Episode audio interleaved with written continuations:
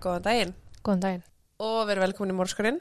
Takk að fyrir. Ég heiti Þórdís Ég heiti Jóhanna. og rétt árunni byrja þá ætla ég að minna á kóðun okkar hjá Scrub Dairy. Dairy. Derry. Uh, en með kóðun Mórskurinn þá fóðu 20% afslátt af öllum vörum inn á scrubdairy.is. Mm -hmm. Jeps, og árunni vindi mér í málið. Ég veit ekki hvort ég sé búin að taka þetta mál áður. Þannig að ég er búin að taka þetta mál áður, þá bara gerir svo vel á ný. Uh -huh. All right. All right. Rodgers fjölskyldan saman það var svo mikið spá í hvort þú þekkir Já, ég er bara býð þetta ok, að gefnu tilumni að því að Þórdís ætlaði að fara að taka upp mál sem hún er búin að taka upp hérna á hann. allt í nátti ég bara inn í þátt sem Já. ég tók upp í Desper sem að þið fáið að heyra frábært sko En Rodgers fjölskyldan samanstóð af fóreldrunum Hal og Djón, bæði 36 ára og tveimur dætrum þeirra 17 ára Michelle og 14 ára Kriste. Hal og Djó höfðu verið saman í mentaskóla og giftu sig rétt eftir útskrift árið 1971. Þau byggu í Wilshire sem var lítið sveitaþorp í Ohio. Flestir íbúarnir unnu á bænum sínum, þú veist þetta var bara svona, svolítið svona sveita hverfi, útkverfi, jeps. Þetta var bara mjög lítið náðu örugt samfélag þar sem að nákvæmnar pössuðu vel upp á hvern annan og bara allir þekktust. Ok. Djó var mjög mannblendin og félagslind en Hal var aftur á móti mjög innkverfur og rólegur. Það var Djó sem að dró fram allar skemmtilegu hliðatar á Hal, dró hann á dansskólfið og fekk hann til þess að hlusta á country tónlist með sér. Ég er svo mikið á country lestinni núna, sko. Ég er þar ekki. Luke Combs á allt hjarta mitt. Yes, ok. Uh, Djó og Hal voru sérst mjög ólík, rétt eins og ég og Jóhanna, en á einhvern hátt þá bara fullkomnuðu þau hvort annað. Ok. Eldri dótturinn Michelle, hún var mjög hlédræg á meðan Kristi var hress og alltaf kátt. Báða stelpunar ólist upp á Sveitabæ og þær bara elskuðu að búa þar og sjá með dýrun á heimilinu. Kristi var klappstýra, hún var mjög vinsæli í skólanu sínum og átti ekki neinum erfileikum með eignast vini. Michelle var aftur á móti mjög feimin og vildi helst bara hanga í fámennum hóp, laumast til þess að fá sér bjór og reykja sígaretur. Ok. Hún og kæristinn hennar, Jeff, höfðu ekki verið lengi saman en þau höfðu þekst síðan í sjöndabæk og þau voru bara svolítið óaðskiljanleg. Hal og Djó unnu mjög hartabílinu, hvoru þeirra kom frá ríkri fjölskyldu og þau þurftu því að hafa fyrir því að framfleita fjölskyldinu sinni. Ok. Djó vann einni á nóttunni í Peytons Northern sem var dreifingamiðstöð fyrir heilsu og snirtiförur en þar keirði hún liftara á lagarnum og vann sagt að færibandavinnu. Lífið var ekki auðvelt fyrir Djó. Á milli næturvinnu, búskapsins og mömmu hlutverksins þá svaf hún mjög lítið. Hún var í raun bara örmagna en var að reyna að gera sitt allra besta til þess að vera hress og kátt og jákvæð fyrir fjölskyldinu sína. Á hverju morgni, eftir að hafa hjálpað Hal að mjólka kýrnar og koma stelpunum í skólan, þá fóru þau hjónin saman í morgumat í bænum. Þau borðu svo kvöldmat saman þegar þau gátu, en það var bara þegar þau vildi fá kvild frá dýrunum og búskapnum, sem að ríði náttúrulega bara lífið þeirra. Já.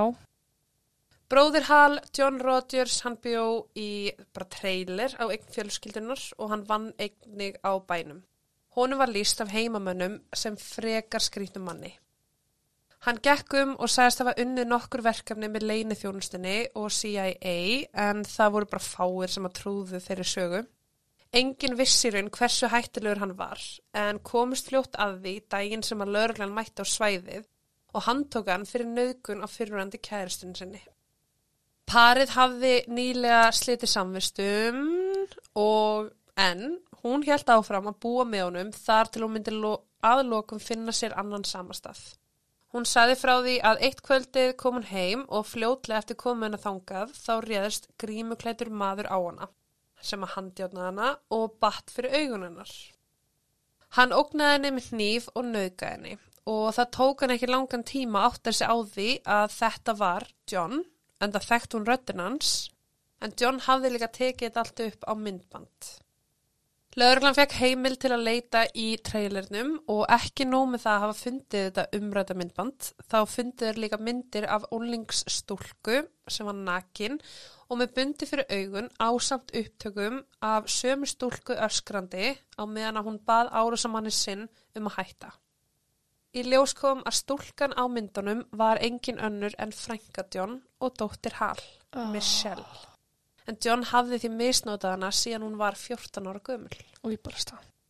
Hal og Joe skildi ekki hvernig þetta gæti hafa farið fram hjá þeim. John komst upp með það aðalega með því að nýta þau skipti sem að Hal og Joe voru upptekinn að hugsa um búskapin. Mm. Hann hótaði Michelle reglulega og var hana við því að ef hún segði, segði einhverjum frá þessu þá myndi hann drepa hana. Irene, móðir Hal, amma Michelle, hún stóð þjætt við baki á John. Hún sagði fólk um allan bæ að Michelle var að ljúi með allt saman, þrátt fyrir sönnugögnin sem að lauruglan hafi fundið á heimilinu og Hal var bara í kjölfæri mjög reyður og fjarlæði móður sinna tafalust út úr lífi sinu. Gott. John neitaði öllu og í fram að hann myndi sko aldrei gera svona hluti en það var náttúrulega bara, sorry kall minn, við vitum hvað þú gerðir. Uh -huh. Og var hann að lokum dæmdur í 7-25 ára fangelsi fyrir nögun á fyrrandi kærustunni sinni. 7 til 25. Já, sem sagt fyrir góða hegðun og kærustu fyrir já. möguleika og reynsli laust. En ákjörnar sem borðar voru á hann í máli Michelle voru feldar niður þar sem að Michelle vildi bara ekki koma fram sem vitni. Skiljanlega þurfa að endur upplefa þessa atbyrði fyrir framann allt þetta fólk, bara af hverju ættur að þurfa að gera það. Já, einmitt. Það er nóg, þú veist, það eru næg sönnugögn til staðar. Já. Af hverju þarf þetta að fara að fá hana upp og kvelja hana? Mm -mm. Michelle var staður á hann í að lifa eins eðlulegu lífi og hægt var, fara í skólan, djamma og eða tíma með kæristunum sínum. Hún vildi ekki líf fullt af stöður í vanlíðan, spennu og bara þunglindi. Já. Af fjórum fjölskyldumæðlumum var það líklega Hal sem að tók harðast á misnótkun John á dóttur sinni. Hann var yfirbugar af sektakent og bara fjall í mikið þunglindi. Hann hugsaði stöðut um það hvernig þetta gat farið fram hjá honum og hvernig bróður hans myndi nokkuð tíman gera fjölskyldunni hans þetta. Eftir allt sem að fjölskyldan hafði gengið í gegnum þá var ákveðið að Joe, Michelle og Kristi myndu fara í stelpufrí til Ohio.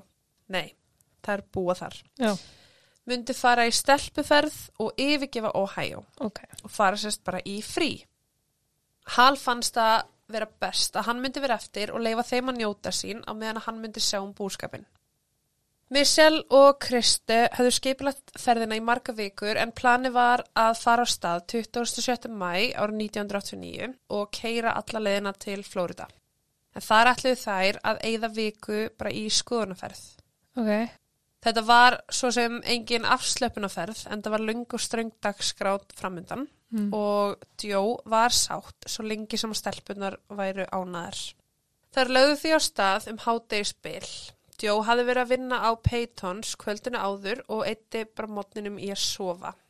Á ljósbláum Oldsmobile ógu þremenningarnir söður á þjóðvegi 75, alla leiðinni gegnum Ohio, Kentucky og Tennessee þar til þær komu til Georgi. Þær bókuðu hótelherbyggi og ákveðu að kvíla sig aðeins áður en að þær myndur leggja á stað á ný. Þegar þær komu loksis til Flórida, þá var fyrsti viðkomustæðurinn þeirra Jacksonville, dýragarðurinn. Fríið helt áfram með fullri dagskrá næstu fjóru daga. Það voru skoðanaferðir, akstur, til og frá, út um allt, innréttun á hótel og bara allt sem á því fylgdi. Mánudaginn 28. mæ skrifaði Joe postkort til Hall og sagði hann frá því að stelpunar væri að draga hana út um allan bæ. Hún væri bara, það væri bara bókstala að vera að draga hana út um allt. Mm, ok. Fymtudaginn 1. júni fóru þær til Orlando og heldu áfram til Tampa þar sem að þær ætluðu að fara í skemmtigarð eða tífóli. Þegar þær komið til Tampa þá keruðu þær um í smá stund og leituðu að mótelinu sínum Days Inn í Rocky Point.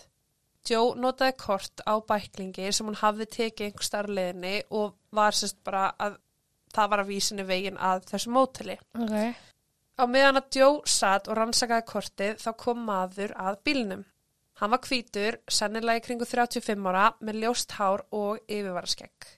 Maðurinn spurði hvort þær væri týndar þar sem hann tók eftir Ohio bílnúmaraplötuna þeirra og gerði ráð fyrir því að þær væru ekki frá svæðinu. Í samtali þeirra hann þeim frá því að hann væri jú einnig frá Ohio.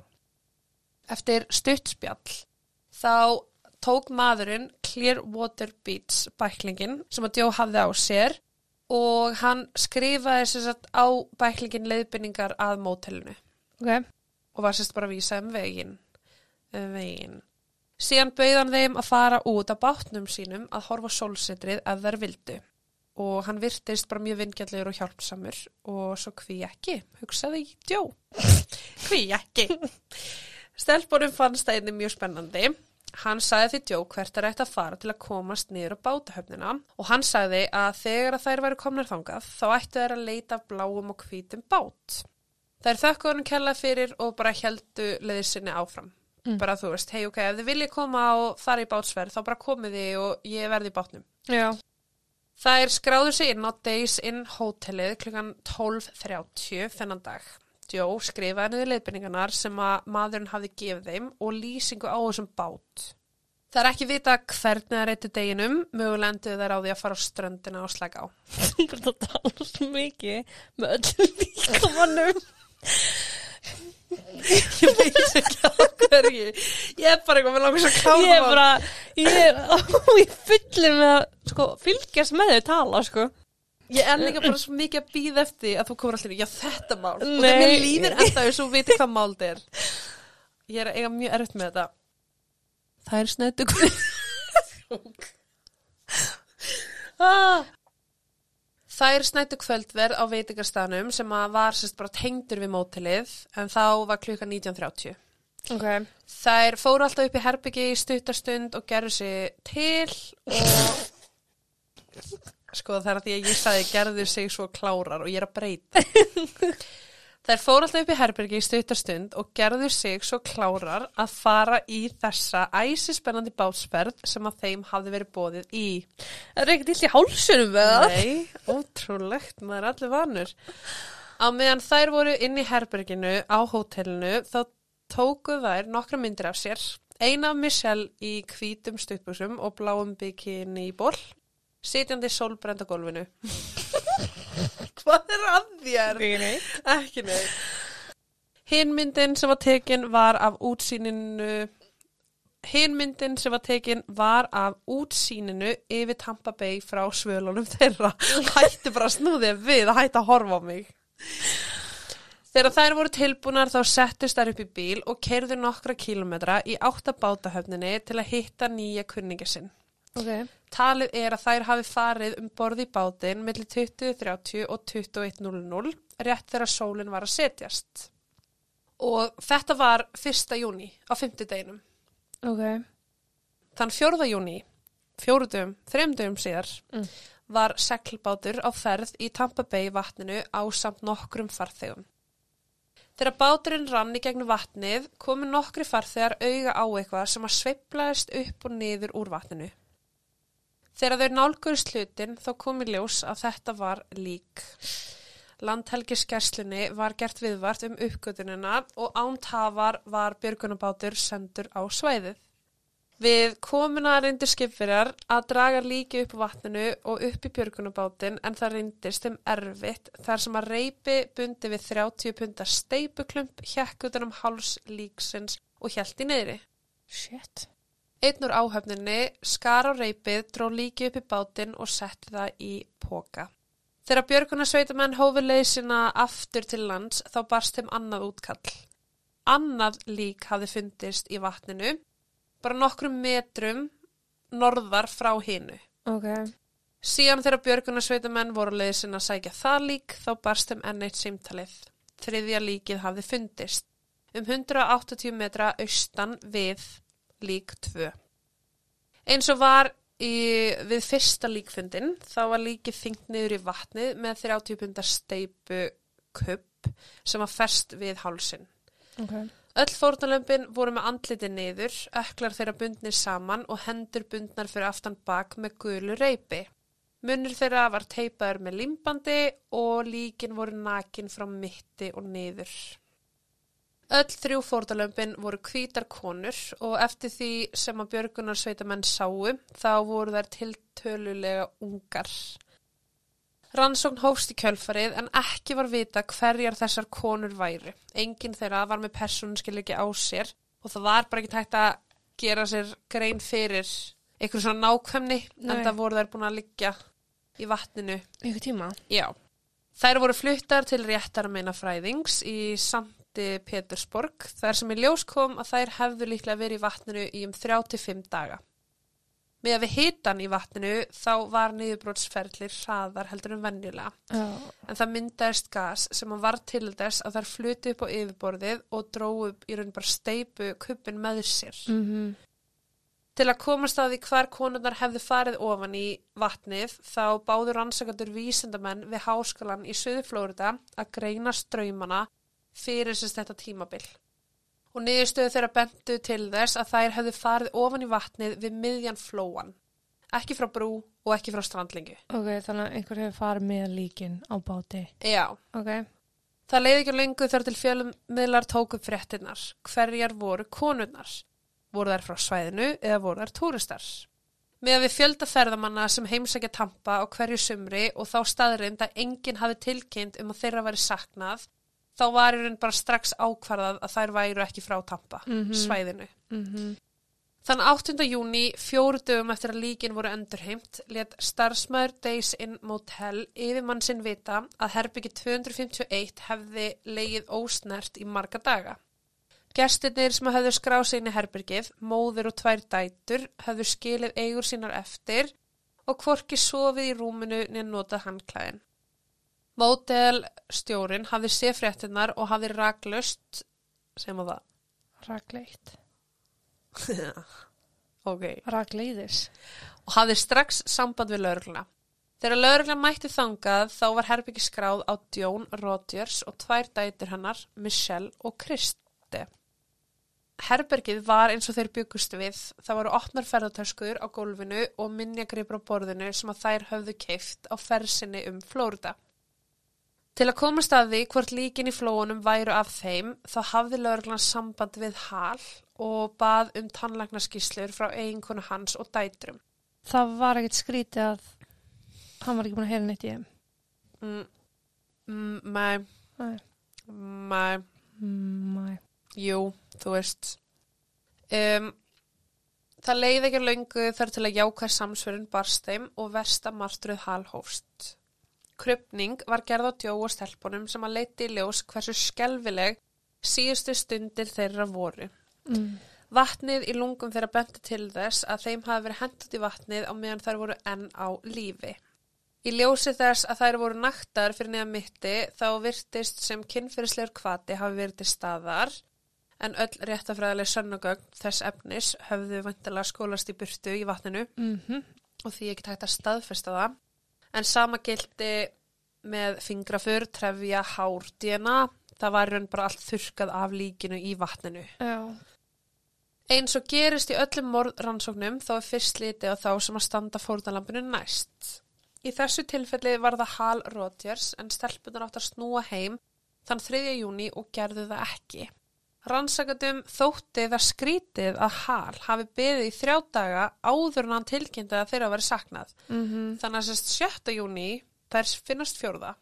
Já. 7. júni er hann að tilkynna að þeim þeirra sé saknað en þær átt að koma heim þriðja. Ok, þannig að það var alveg eðlilegt þannig sé ferðleið. Mm, mm, samt ekki, þú veist, Ok. að því hann býður í þrjá daga, það er átt að koma heim og það liða þrý dagar og það er ekki ennþá komnar og hann heyri ekkert þeim. Og líða þrýr, það er ekki fjóraða? Nei, ég átti að koma heim Það þriðja. er átt að koma heim þriðja, það finnast fjórða akkurat, og hann- sjötta sjötta er já. hann að, já, og þú veist, Það er skrítið. já, lauruglinn fannst alveg skrítið, sko. Og þegar þeir rættu við Hal, þá listu þeir honum sem köldum og tilfinningarlausum og þeir vildi raun bara meina hann væri ekki að sína þessar tilfinningar sem að við mætti búast af manni sem var rétt í þessu að missa alla fjölskyldinu sína. En eðli málsins samkvæmt þá var Hal bara svona típa. Hann var harður af sér og let ekkert á sig fá. Framkoma hans við rannsónalörgluna endur speiklaði enga veginn hvernig honum leið Nei. á þessu tíma. Hal var fljótt útilokaður þar sem hann var með fjárvistarsönnun um að hafa verið að borða á veitingastöðum í vilsæður á meðan fjölskyldan var í burtu. Ok. Þannig að það er bara búið að staðsita hann þar. Þú veist, það voru margir sem að sá hann daglega og það hefði verið ómögulegt fyrir hann að vera í Flórida kvöldi sem að þær voru drefnar mm. og komast síðan aftur til vilsæður morgunin til að mæta Já, í morgumatt. Næsta raugreita skrefið var að finna bílinn hennar Djó, ljósbláa Oldsmobile bílinn, en hann fannst fljótlega við bátahöfnina um kílometr frá Days Inn mótelinu. Bílinn virtist hafa staðið þar ósnertur frá 1. júni, síðast er að honum var ekið. Í honum fundust tvær leiðbynningar skrifaðar af mismunandi einstaklingum, önnur á bæklingi frá Clearwater Beach og hinn á blaðsnepil frá Days Inn. ok. Sýnishorn af Rítum Djó, Michelle og Kristi voru veitt til samanburðar og ákveðið var að miðin frá Daysin væri í raun Rítönd Djó. Ok. Rítöndin á Clearwater Beach bæklingnum passaði hins vegar ekki við Djó nýja dæturinnar. Ertu að segja Joe eða Jón? Jóð og. Joe, ok. En á þessum bæklingum var í raun bara keira hér, bátur hér, þú veist, Já, þetta voru já, bara bara leiðbynningar. plani, já. Já. Hann skrifiði minnismiðanir sem að fundust í bílnum voru mikilvægir fyrir rannsakandur til að komast að því hvað hefði gerst.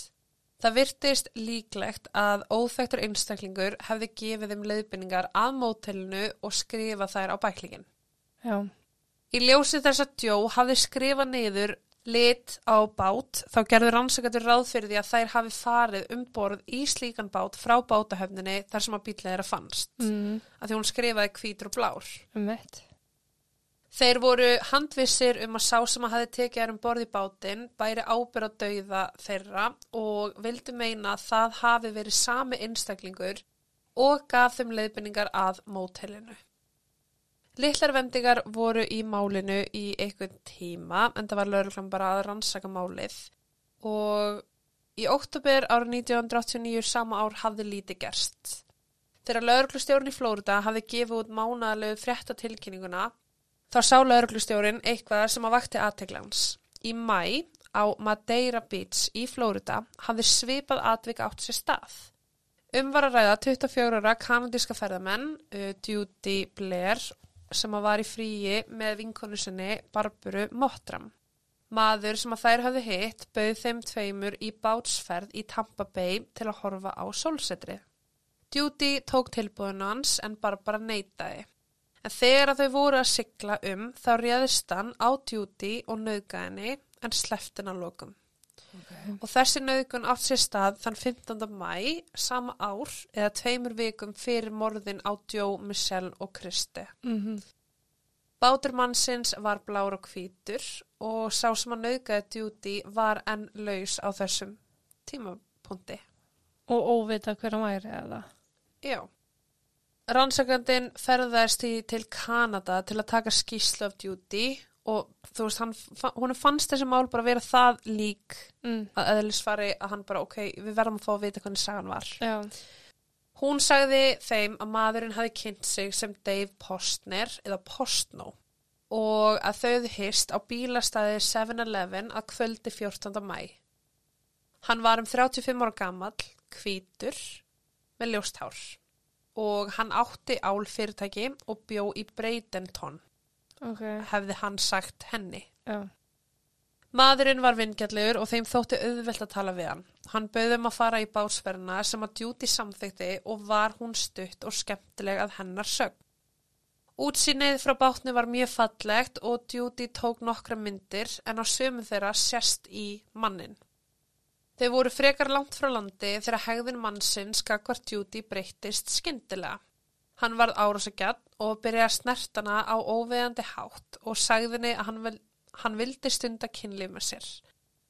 Hún var í kjölfarið skelfingu lostin og fór að öskra og gráta og maðurinn sagði henni bara halda kjafti og ef hún gerði ekki þá myndi hann líma munnin hennar saman.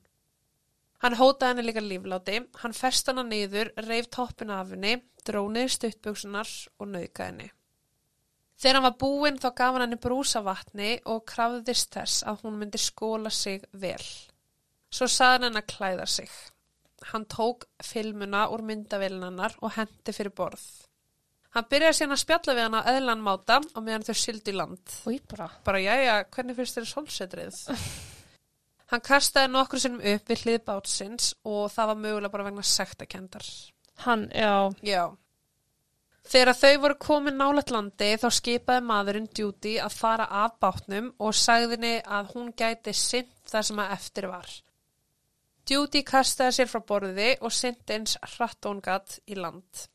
Því miður höfðu öll sonnagögn skólast af henni og ekki var hægt að bera kennsl á mannin. En með hennar hjálp var gerð skissa og hún var send út í vonum að einhverju myndi kannast við hann. Ok, en hann hefur 100% gert þetta nokkuð skipti áður. Já. Skóla sig, henda filmunni og láta hann syndi í land. Uh Og það er engin sönnugögn eftir. Nei. Í kjölfarið fekk lögreglan fullt af ábyrtingum og þeir áttu í raun bara erfileikum með að fara yfir allar.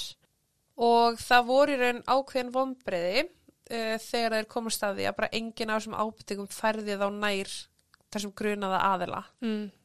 Þeir voru því stopp en ekki kjarklausir og ætluðu sér alls ekki að gefast upp. Þegar þeir fóru yfir sönnugögnin í miljónasta skipti þá fenguður hugmynd og hann skrifiði leiðbyrningarnar á Clearwater Beach bæklingnum voru náttúrulega bara mjög einstakar. Uh -huh. Ríthundin var með nok nokkur sérstökum bókstöðum uh, meðal annars var T alltaf skrifa stórt hvort sem hann var í fremstu setningu eða í miðinni Ok. og bókstafurinn Ussolni var skrifaður öðruvísi í hver skipti sem hann var skrifaður í rauninni. Ok. Og þeir hugsaðu með sér hvort þeir gætu sett, þetta er mjög langsótt, en hvort þeir gætu sett mynd af rítöndinni fyrir almenning að sjá, ég vonum að einhverjum myndi kannast við þessa rítönd. Mm. Þannig að fimm auglýsingaskilti voru settið upp með handskrifum leiðbyningum og spurningunni, veist þú hver skrifaði þessar leiðbyningar? Þá veist þú kannski hver draf Rótjars fjölskylduna. Wow. Já, og svo bara 25.000 dollara verðlun. Já. Auglýsingaskiltin voru mjög ábyrrandi og lauruglan fekk fullt af ábyrtingum. Einn þeirra kom frá konu í Tampa Bay en hún sagðist, jú, þekkja rítöndina. Hún sagði að það væri álverktæki sem að hún hafði áður ráðið í vinnu sem að skrifaði svona. En hann hafði sagt kvittað fyrir verki sem að hún hafði ráðið hann í og hann sagði bara að rítöndin er alveg eins. Hún sagði lörglun frá því að hann héti Opa Chandler og var í kjölfarið að þessu ákveð að fá sérst þennan brefsnepil sem hún átti og bera saman við rítöndina á bæklingnum. Ok. Og þegar það var borið saman þá leik engin vafi á því að þetta var jú skrifað af sama einstakling. Búm, búm, búm. Oba Chandler, uh, hann fættist þann 11. oktober árið 1946 í Cincinnati í Ohio. Ljóst var frá ungum aldri að Oba myndi eiga við hegðunavandamál að stríða og skólinn var bara eitthvað sem hann hafði engan áhuga á Mm. og það var í fjórðabekk sem hann bara fjall og var rekin úr skólanum. Já, sæll. Þegar Óba var tíu ára gammal þá framdi fadir hans sjálfsvík með því að hengja sig í kjallarnum á heimilinu og það var eldri sýstir hans sem að kom að honum. Ok. Fjölskyldan var niðurbrotin eftir atvikið og trúði því ekki að hann myndi nokkuð tíman taka sér degi líf og það voru bara mörg augur sem að byndust að konun hans Margrét um að hafa hægt og rólega að drepa hann í gegnum tíðina skiluru. Mm. Já, þú veist, þetta var bara, pff, vá. Ok. Sumir fjölskyldumöðlumir fullirtu að í jarðaförni þegar moldin var sett ofan á kistuna þá hafi ópa hoppað ofan í gröfuna og byrjaði að trafka ítrykkað á kistu föður síns. Það bara reyður ungur krakki, Já, skilur já, já. 14 ára gamall var hann síðan handtekinn fyrir þjófnað sem var fyrsti glæpurinn hans af 20 áður hann náði 18 ára aldrei. Hegðun hans skánaði alls ekki eftir 18 ára ammalið, glæpur hans fór að stigmagnast og var hann meðal annars ákjærður fyrir innbrot, mannrán og vopnað rán. Og það kom bara í ljós að Óba Tjandlir, hann bjó nokkrum metrum frá bátsöfninni þar sem að bíl djó hefði fundist. Já. Og þegar rannsónu lögreglumenn fóru að yfirheyra hann þá neitaði hann allri aðvild að morðunum en þeim tókst að hafa uppi á skrá yfir símtölu á svæðinu og komist að því að hann hefði hringt í konuna sína frá bátnum eftir nöðgunina á djúti og einni eftir morðin á Rótjars stelpunum. Þannig að hann var sérst á bátsæfninni, það var búið að tengja síman hans við það svæði Mhm. þá dagar sem að það gerðist. Ok. Í bæði skiptin hafði sagt konu sinni að það væri einhver vandræði með vélina í bátnum sem að var ástæðan fyrir því að hann kemur seint heim. Hmm.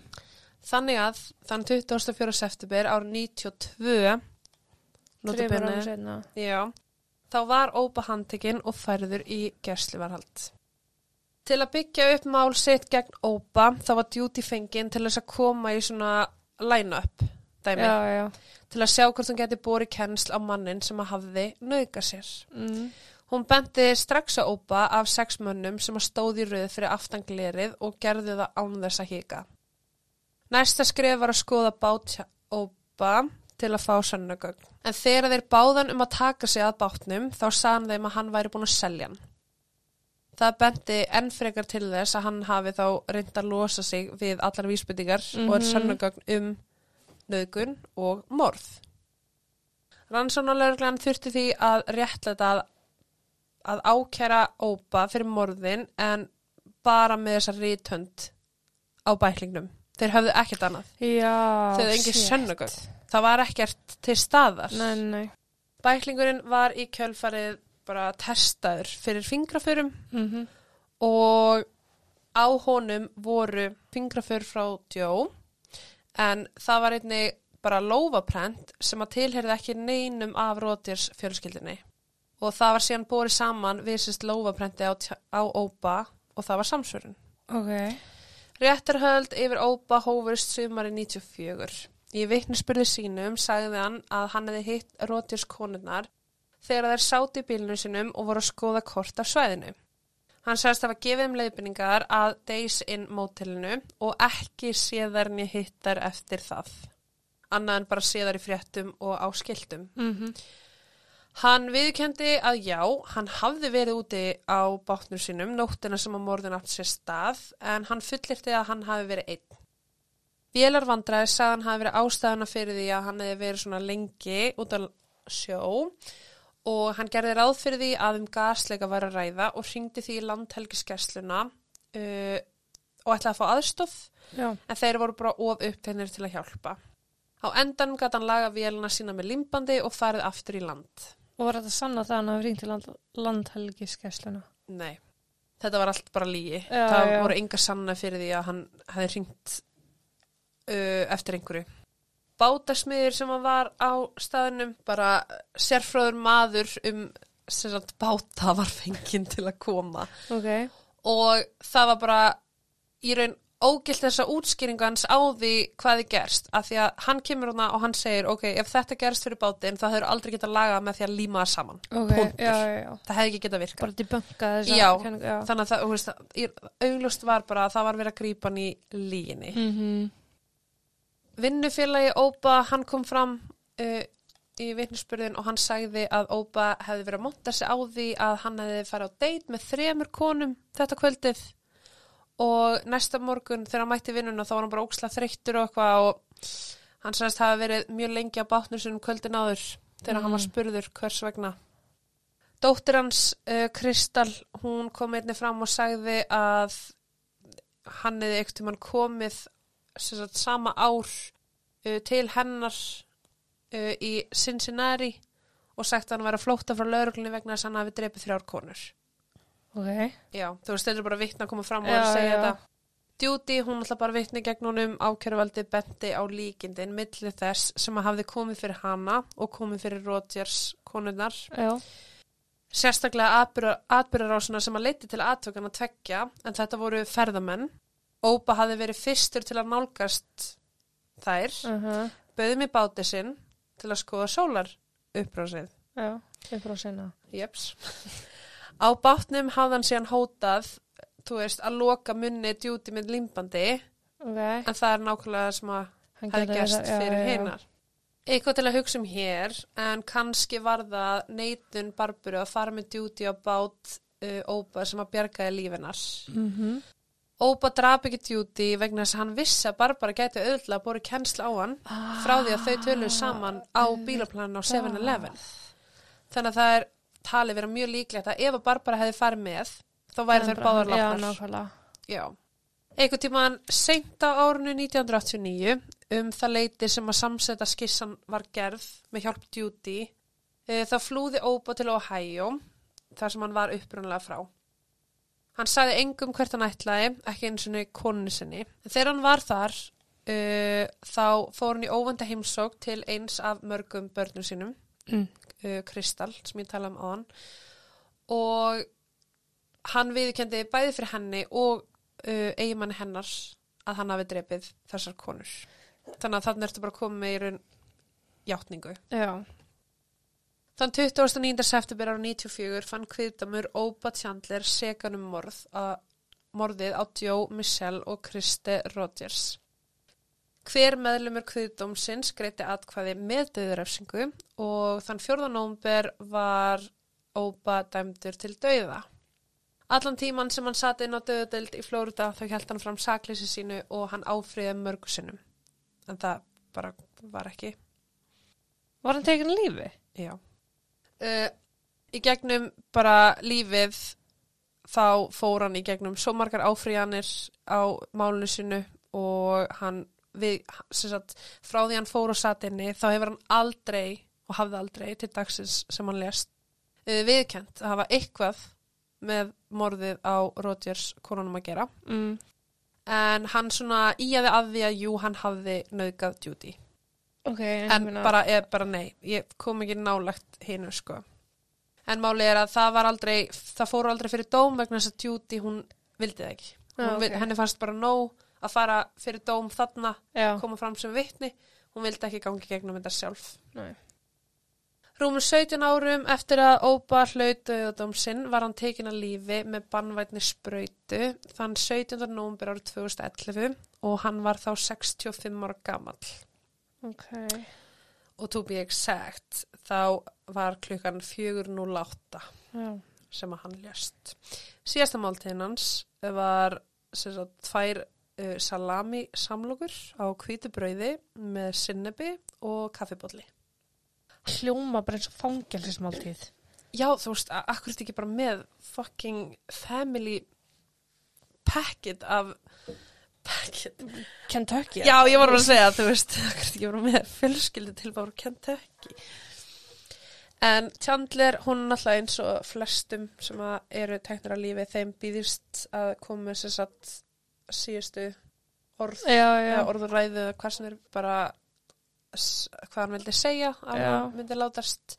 En hann vildi það ekki. En hann skildi eftir hann skrifaðan hann skrifa bref eða sérst nótu Já. og þar stendur bara Oba Chandler last statement og hann segir You are killing a innocent man today November 2011 Já, já. Oba Chandler Ótrúlegt Djón, Michelle og Kristi voru grafnar í Wilshire, Ohio þann 13. júni árið 1989 í Zion Lutheran já, já uh, Cemetery Litla bænda samfélagið var í áfalli yfir því að eitthvað svona skelfilegt hefði komið fyrir þrjá af þeirra meðlumum Mm Um 300 fjölskyldu meðlumir og bara vinir komu saman til að votta virðingu sína og hughrista hal sem að virtist vera svo einn í heiminum með fjölskyldu sína brott og aðeins dýrin á bænum til að halda honum félagskap. Mm. Hal hjælt áfram búskap sínum en skipti uh, út mjólkur kýrnum fyrir svín. Takk fyrir að segja það. Hal í raun bara hafði ekki tíma til að sitja á vorkina sjálfu sér og hann var bara ekki þannig maður. Þannig að búskapurinn bara hjælt áfram og hann einhvern veginn bara þurfti að einhvern veginn þurfti að borga reikninga og koma sér Mhm. áfram og það var bara svolítið hans uh, hugarfar á þessum tíma. Árið 1998 fann hann ástina aftur á ný en það var með Jolene, heimamanni í Wilshire sem var frá annari bændufjölskyldu og þau giftu sig. Jolene, hún var líka ekja svo þau náttúrulega bara skildu hvort annað að einhver leiti Mm en hún náttúrulega gæti ekki alveg ímynda sér hvernig það var að láta rífa fjölskylduna sinni sundur með svona Mm, hróttalegum verknæði. Hal var ánæður með að eiga maka aftur í lífinu, eitthvað sem hann gæti fara út að borða með og talað um bara allt annað heldur um búskapin. Nei. og svo skrifa ég þú getur bara átt sama samtal við svín svo, oft þegar allt kemur til alls sko.